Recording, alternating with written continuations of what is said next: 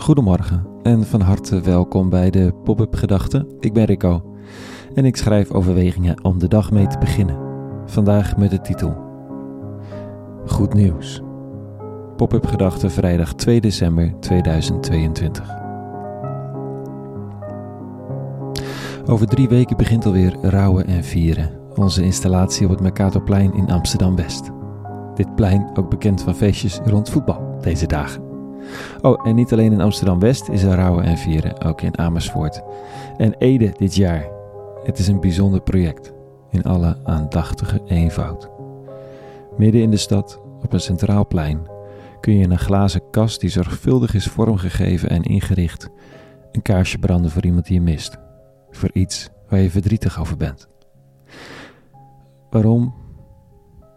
Nou, omdat er zo weinig ruimte is voor rouw in het publieke, domein. En we allemaal wel ergens rouw en verdriet meedragen.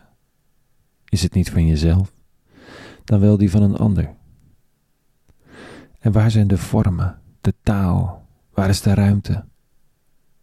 In de moeilijkste dagen van het jaar voor hen die rouwen, de laatste weken van december, is er een kas.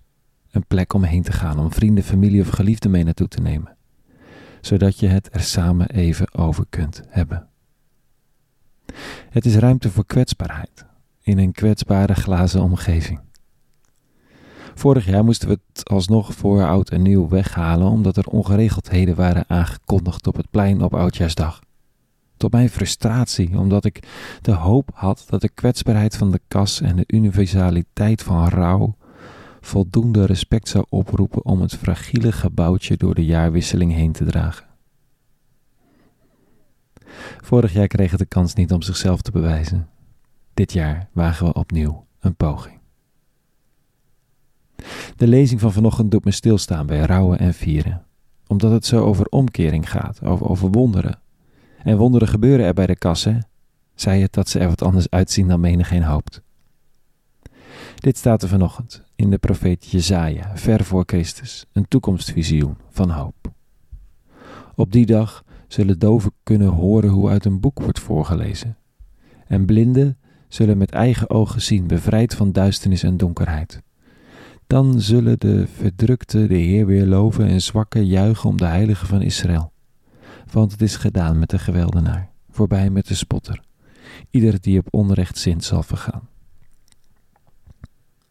Het christendom heeft dit toegepast, waarheid zien worden in de figuur van de man van Nazareth om vervolgens dat in haar eigen geschiedenis regelmatig weer met voet te treden en zelf de geweldenaar te worden, de spotter, degene die op onrecht zint. En toch waren er ook altijd weer tegenbewegingen, geïnspireerd door de grondlegger en het hart en de ziel van christendom, Jezus zelf. Het idee is dat degene zonder toegang, datgene wat er niet bij hoort, opeens even centrum wordt. Dat er volop ruimte ontstaat voor dat wat niet mee mag doen, wat niet onderdeel is van dagelijks leven.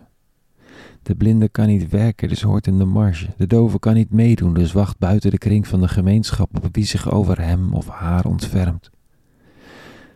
Zo stel ik me de samenleving van toen voor en is het nu allemaal zo heel erg anders. De kas van rouwen en vieren is geen oplossing, maar het is wel ruimte. Een signaal.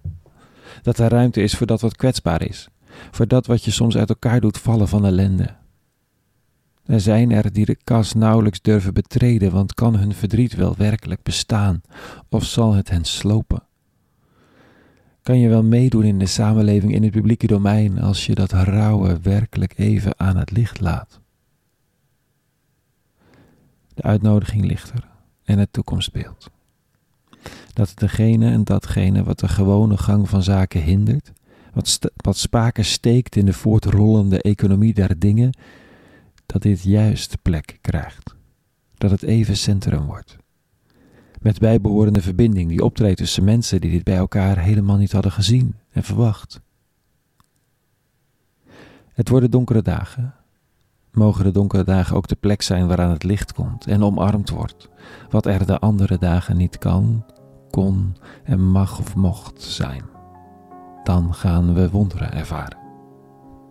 Oh, en sowieso bij de kas op het plein. Tot zover even vandaag.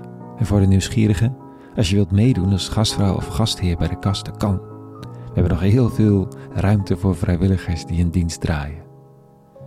Op rouwenenvieren.nl kun je je aanmelden om het van dichtbij mee te maken en het voor anderen mogelijk te maken. Of stuur me gewoon bericht.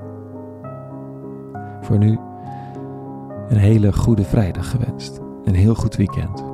En vrede. En alle goeds.